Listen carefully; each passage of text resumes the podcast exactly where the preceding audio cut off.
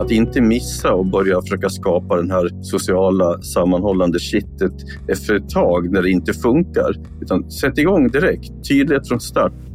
Den sociala miljön i utbildningen är viktig, både ur ett lärandeperspektiv och för att studenterna ska känna trygghet och gemenskap. De flesta människor behöver ett sammanhang för att känna sig motiverade i det de gör. Men hur skapar vi sociala relationer i en distansutbildning där alla kan sitta på varsitt håll i landet bakom väggar av teknisk utrustning?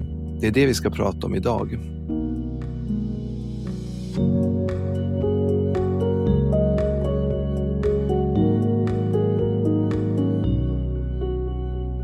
Det finns en risk att man som student kan tappa riktningen i studierna om man saknar en trygg och motiverande relation med läraren och med sina medstudenter.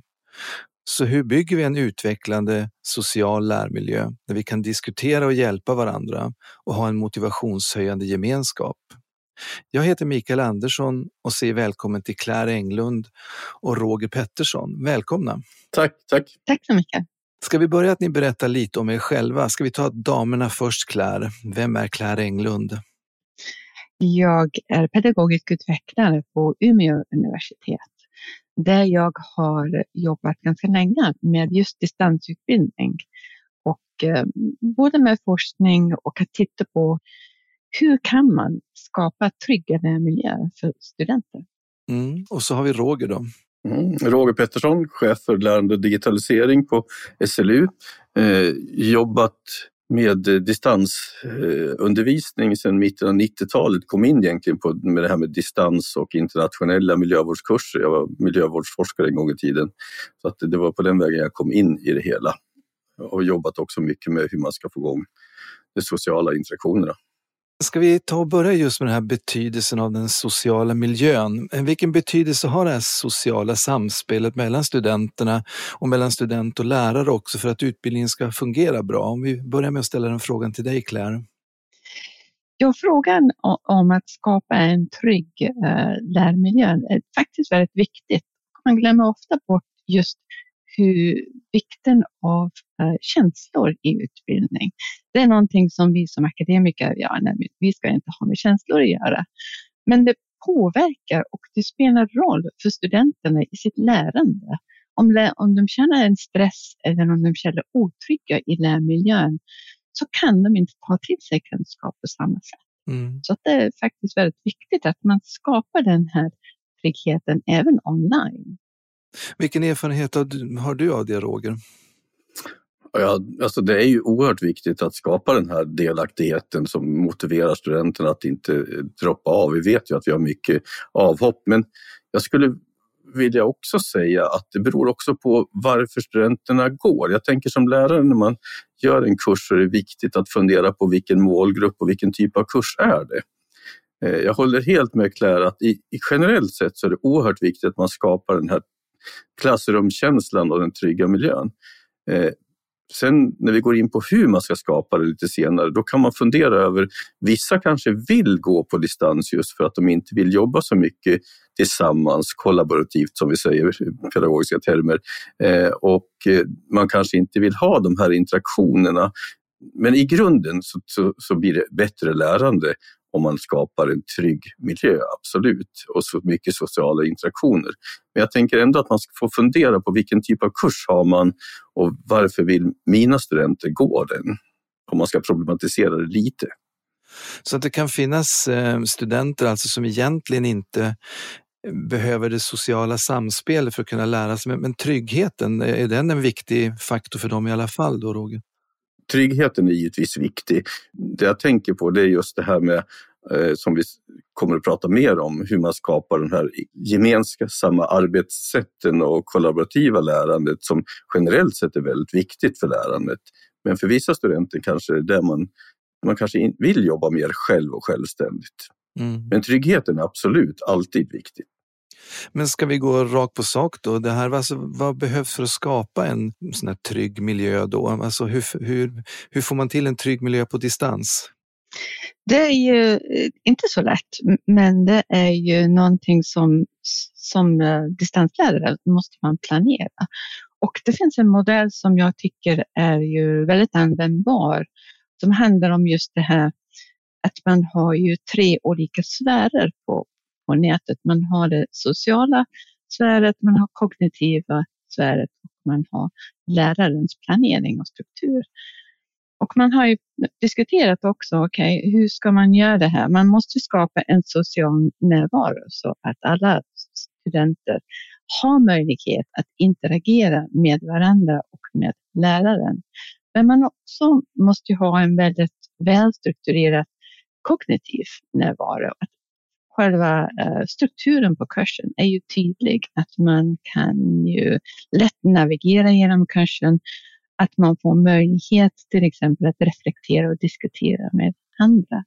Och sen är det lärarens närvaro, att man som lärare man skapar ju eh, den här miljön, men man måste också vara synlig som lärare. Man kan inte vara ju helt tyst och inte delta i aktiviteten. Om vi vänder på frågan, Roger, då, det här var ju vad ska man tänka på, men eh, finns det några så klassiska vad ska man passa sig för så att man inte går fel när man startar en distanskurs eller just utifrån det här sociala spelet? Ja, en, en, sak är att man ska inte vänta tills det blir problem, utan det här är saker som man ska prata om direkt vid kursstart, tänker jag. Claire, du tog ju upp det här med tydlighet. Jag brukar propagera för att skriva tydliga kurshandledningar eller om man lägger ut en video på lärplattformen om hur kursen ska funka. Så att, att inte missa och börja försöka skapa den här sociala sammanhållande kittet efter ett tag när det inte funkar. Utan sätt igång direkt, tydlighet från start låt öppna upp diskussionen första gången för vilka förväntningar har studenterna? Vilka förväntningar har du som lärare? Jag vill att det ska funka så här och sen lev som du lär. Eh, Claire, du sa det här med att vara synlig. Alltså det är jätteviktigt, speciellt i starten, att läraren är väldigt tydlig, synlig och visar den här uppmuntrande eh, kulturen helt enkelt själv med sitt sätt att vara. Mm. Men kör igång från start, vänta inte. Mm. Mm. Ja, men det du är inne på nu Roger är ju en väldigt viktig del, det har vi förstått, just det här med, med förberedelse och hur man inleder och sånt där. Kan du utveckla lite mer? Hur, hur brukar du jobba med, eller hur brukar du tipsa om att man ska jobba med just det här med förberedelse och inledning så man får till den här den bra känslan? Jag brukar säga att eh, kör igång kursen lite i förväg. Ge eh, studenterna i uppgift att presentera sig med lite personligt var också lite personlig själv. Ha gärna en fysisk möte om det går, men annars ett Zoom-möte där, där man går igenom kursförväntningar. Hur tänker jag att den här kursen ska funka? Och lyssna också som sagt på studenterna. Så, så att se till att det blir en ordentlig presentation och lite mer personligt. Bjuda på sig själv lite grann brukar jag säga. Eh, men Claire, det som Roger är inne på nu, eh, det är ju det här just den här spontana sakerna som kan uppstå mellan studenterna. Eh, på campus då blir det lite naturligt att man kan prata någon som man sitter bredvid mig i föreläsningssalen eller står bredvid i kafékön. Alltså hur, hur gör man för att få till samma spontana kontakt mellan studenterna i en distanskurs? Jo, i en distanskurs så, så, måste man ge möjligheter. Man måste ge ett forum eller tillfällen för, för studenterna att ta kontakt med varandra.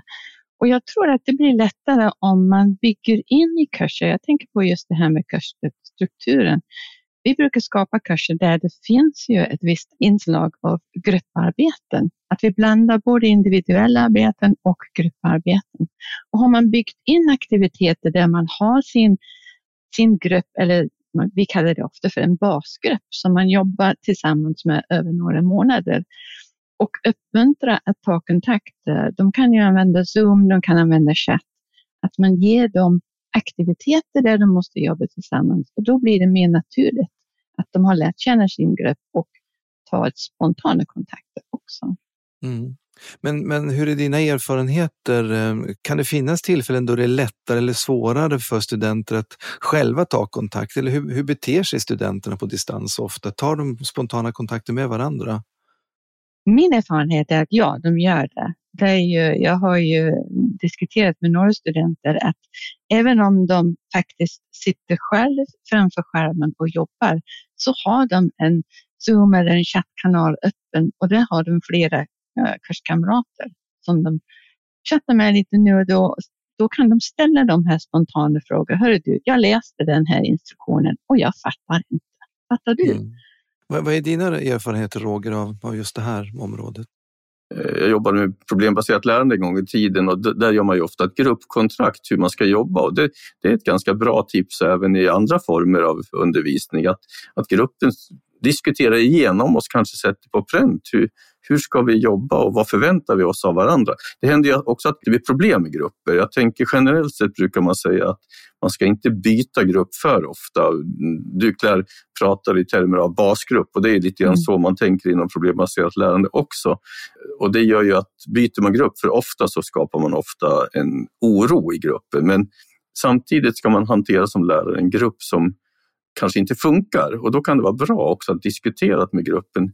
Hur gör vi om inte alla deltar? Och man kan känna sig som en källare till läraren om man hojtar och så vidare. Så att, att diskutera igenom de bitarna kan vara ganska bra och till och med kanske sätta på pränt.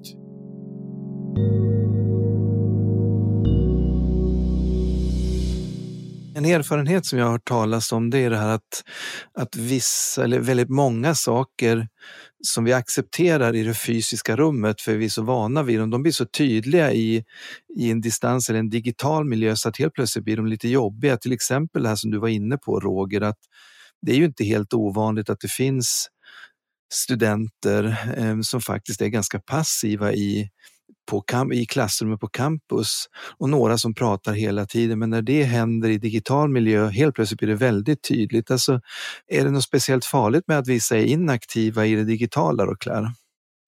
Nej, jag tycker inte det är det, men, men det beror på hur, hur man har strukturerat kursen. Jag håller med Roger att, att skriva gruppkontrakt är ju väldigt bra i, i början av kursen. Och vi, vi brukar ge våra grupper tid i början att diskutera. Okay, vad gör jag om någon är helt passivt? Vad gör jag om någon inte håller deadlines? Vad gör vi om någon eh, ramlar bort? Hur ska vi peppa varandra? Och har man diskuterat just det här pedagogiska vikten av att jobba i grupp, diskutera, reflektera, då är det inte lika lätt hänt att det blir problem. Men samtidigt så vet vi det som kallas för på engelska lurkers. Det mm. är ett fenomen. Det är ju deltagare som inte är synliga, som inte deltar. Men har man diskuterat just varför man vill att man jobbar i grupp? Vad är det pedagogiska nyttan? Hur kommer det att gynna eh, studenterna själva? Då faktiskt har jag sällan stött på problem. Ja, vad säger du Roger? Jag, jag tänker det beror ju också på hur man examinerar och följer upp. Alltså är det om det är individuella inlämningar så med gruppdiskussioner men det är fortfarande en individuell inlämning så spelar det ju mindre roll. Ska de jobba in och jobba ihop sig till ett grupp-PM så att säga, då får man ju fundera på hur vet man att alla deltagit. Och där tänker jag att det finns ju två sätt. Eh, ska de skriva ett grupp-PM till exempel så kan de ju jobba utanför lärplattformen och eh, som Claire säger, ha kontakt med vilka sociala medier de vill och jobba och sen lämna in slutresultatet. Ett annat sätt som man brukar fundera på det är ju hur viktigt är det att vi lärare har kontroll vad som händer. Eh, har man diskussionsforum på lärplattformen och kan följa hur så att säga, PM växer fram i gruppen, då kan ju läraren se hela gruppprocessen. Och det här är en fråga som är ganska intressant. Hur mycket av, av processen ska vi lärare se? Mm. Kontentan är väl att det är väldigt viktigt att man kommer överens i en distanssituation. Alltså mm. det här är kontraktet vi gör, det här är överenskommelsen har vi någon form av ansvar för vårt gemensamma lärande eller är det bara upp till att var och en ska lära sig själv och så vidare. Men jag tänkte byta perspektiv lite grann för att Roger, du var inne på en intressant sak. Behovet av kanske att det finns en viss distans mellan lärare och studenten. Det verkar ju som att man måste jobba ganska mycket med att bjuda på sig själv och så vidare som lärare för att få till den här tryggheten.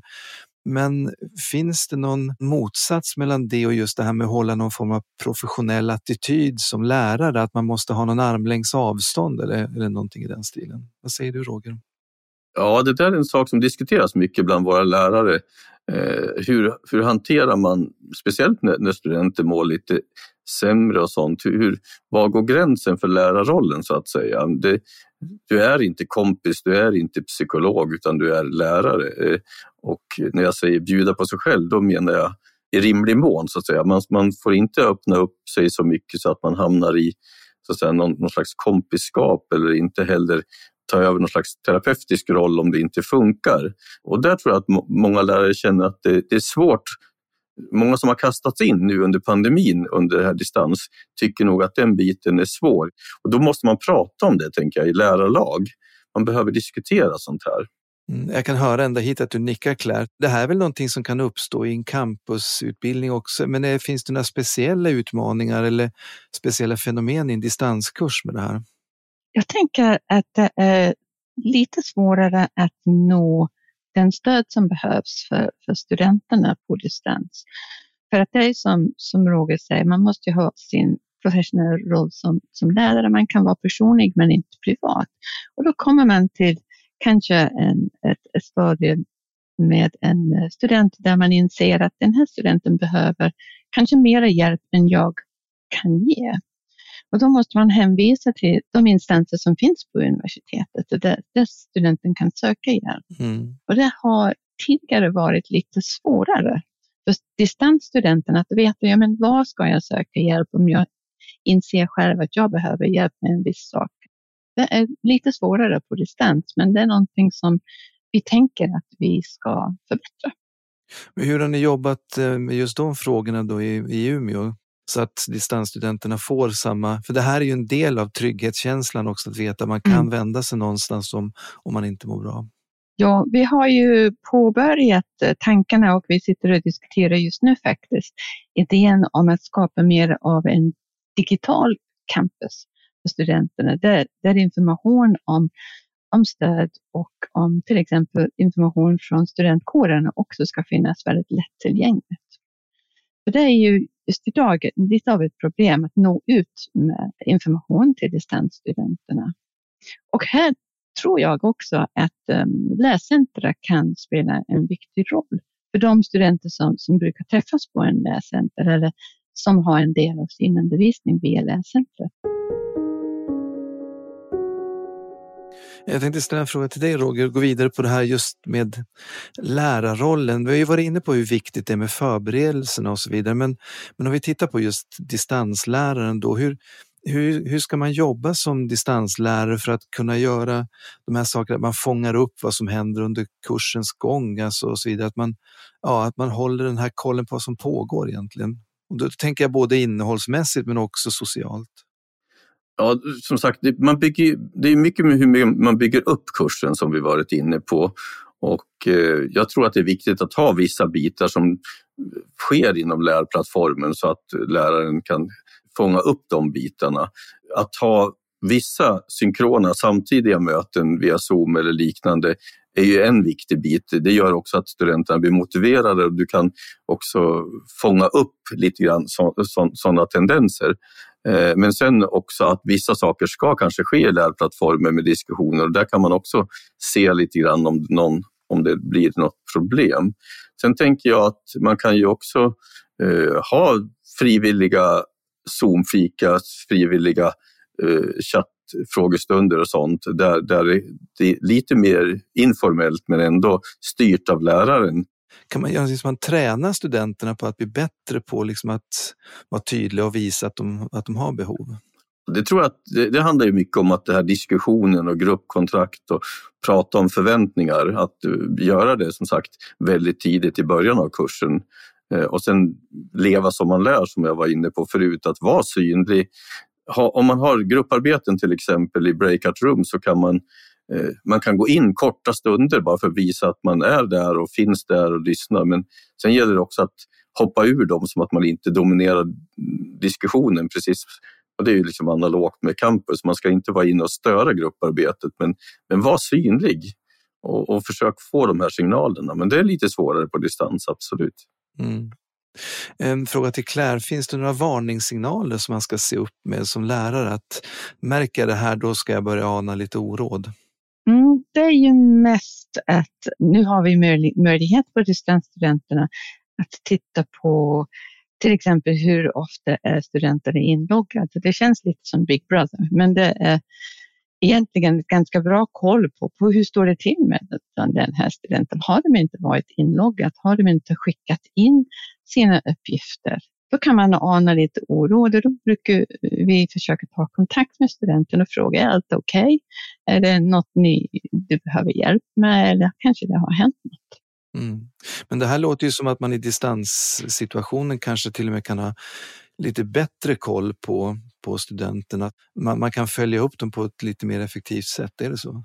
Jo, det är så att, att man har möjligheterna faktiskt att kan ha lite mer bättre övervakning. Mm. Jag tänkte hoppa till någonting helt annat, för om vi nu har ett program som handlar om det här med social interaktion på distans så finns det en fråga som har dykt upp på mm, ja, ni vet, olika webbforum och sådana här saker om och om igen och det är den här frågan med kamera på eller kamera av. Det, det verkar vara en fråga som dyker upp väldigt ofta i alla fall. Ehm, därför att i en, i en sal på campus då syns man ju och så vidare. Men, men hur resonerar ni kring det? Ska vi börja med ehm, med Roger, har ni satt upp några regler för det här med bild och ljud av och på eller så vidare? Vi håller på att diskutera just nu eh, en utredning om post-corona. Vi diskuterade faktiskt igår eh, på ett möte. Som jag förstår, men jag har inte dykt in i det djupare så kanske vi inte får kräva det.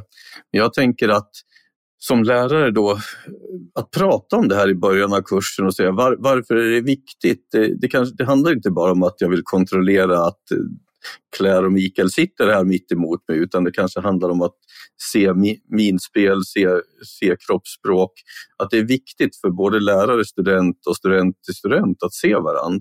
Sen kan det finnas skäl att någon inte vill synas eller att de mår dåligt av någon anledning och då får vi respektera det, tror jag. Det, jag tror inte på tvång, men jag tror absolut att man kan förklara varför det är viktigt. Mm. Hur resonerar du kring den här frågan, Claire? Mm, jag, jag håller helt med, med Roger. Att, um, vi brukar diskutera uh, varför vi vill att uh, kameran är på. Att den påverkar just den stämningen, den påverkar just den här sociala aspekten, att man vill se den man pratar med. Så kontentan är när det gäller just den här frågan då, det är att lärandet blir bättre om man kan få titta på folk och läsa deras minspel. Men om integriteten kräver då, då bör man tillåta att personer kan få ha bilden av alltså. Är det, är det rätt tolkat? Mm. Ja, jag, jag, tror att det är en fråga om trygghet.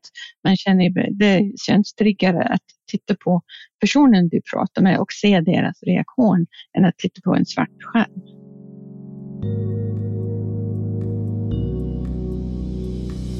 Det har varit jättespännande att prata med er tycker jag. Och jag tror vi får något tillfälle att återkomma till er lite vid andra tillfällen när det gäller just de här detaljerna kring att jobba med studier på distans och så vidare. Så jag börjar med att tacka dig Claire. Tack så jättemycket för att du var med. Tack för att jag fick vara med. Tack så mycket Roger också. Mm, tack.